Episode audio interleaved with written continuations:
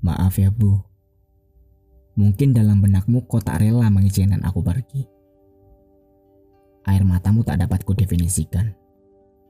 Entah itu pertanda kesedihan kau tak rela melepasku, atau sebuah kebanggaan.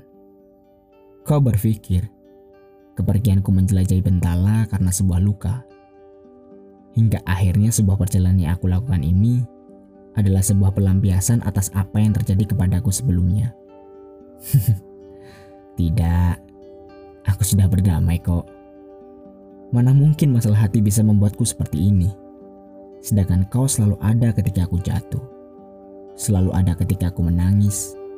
Selalu memelukku ketika aku gagal Bahkan selama 23 tahun aku ada di dunia ini, kau tak pernah mengeluh sedikit pun tentangku.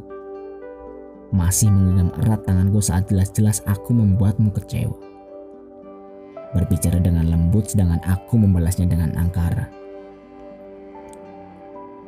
Perasaan sembilu mungkin sempat hinggap dalam diriku. Bagaimana tidak? Satu persatu hal yang paling berharga dalam hidupku pergi begitu saja terlihat bodoh dengan segala kepercayaan yang aku berikan. Tempat ceritaku yang dulu telah hilang. Saat itu aku hanya bisa memberikan senyum palsu dan mencoba baik-baik saja ke semua orang. Tapi ya sudahlah.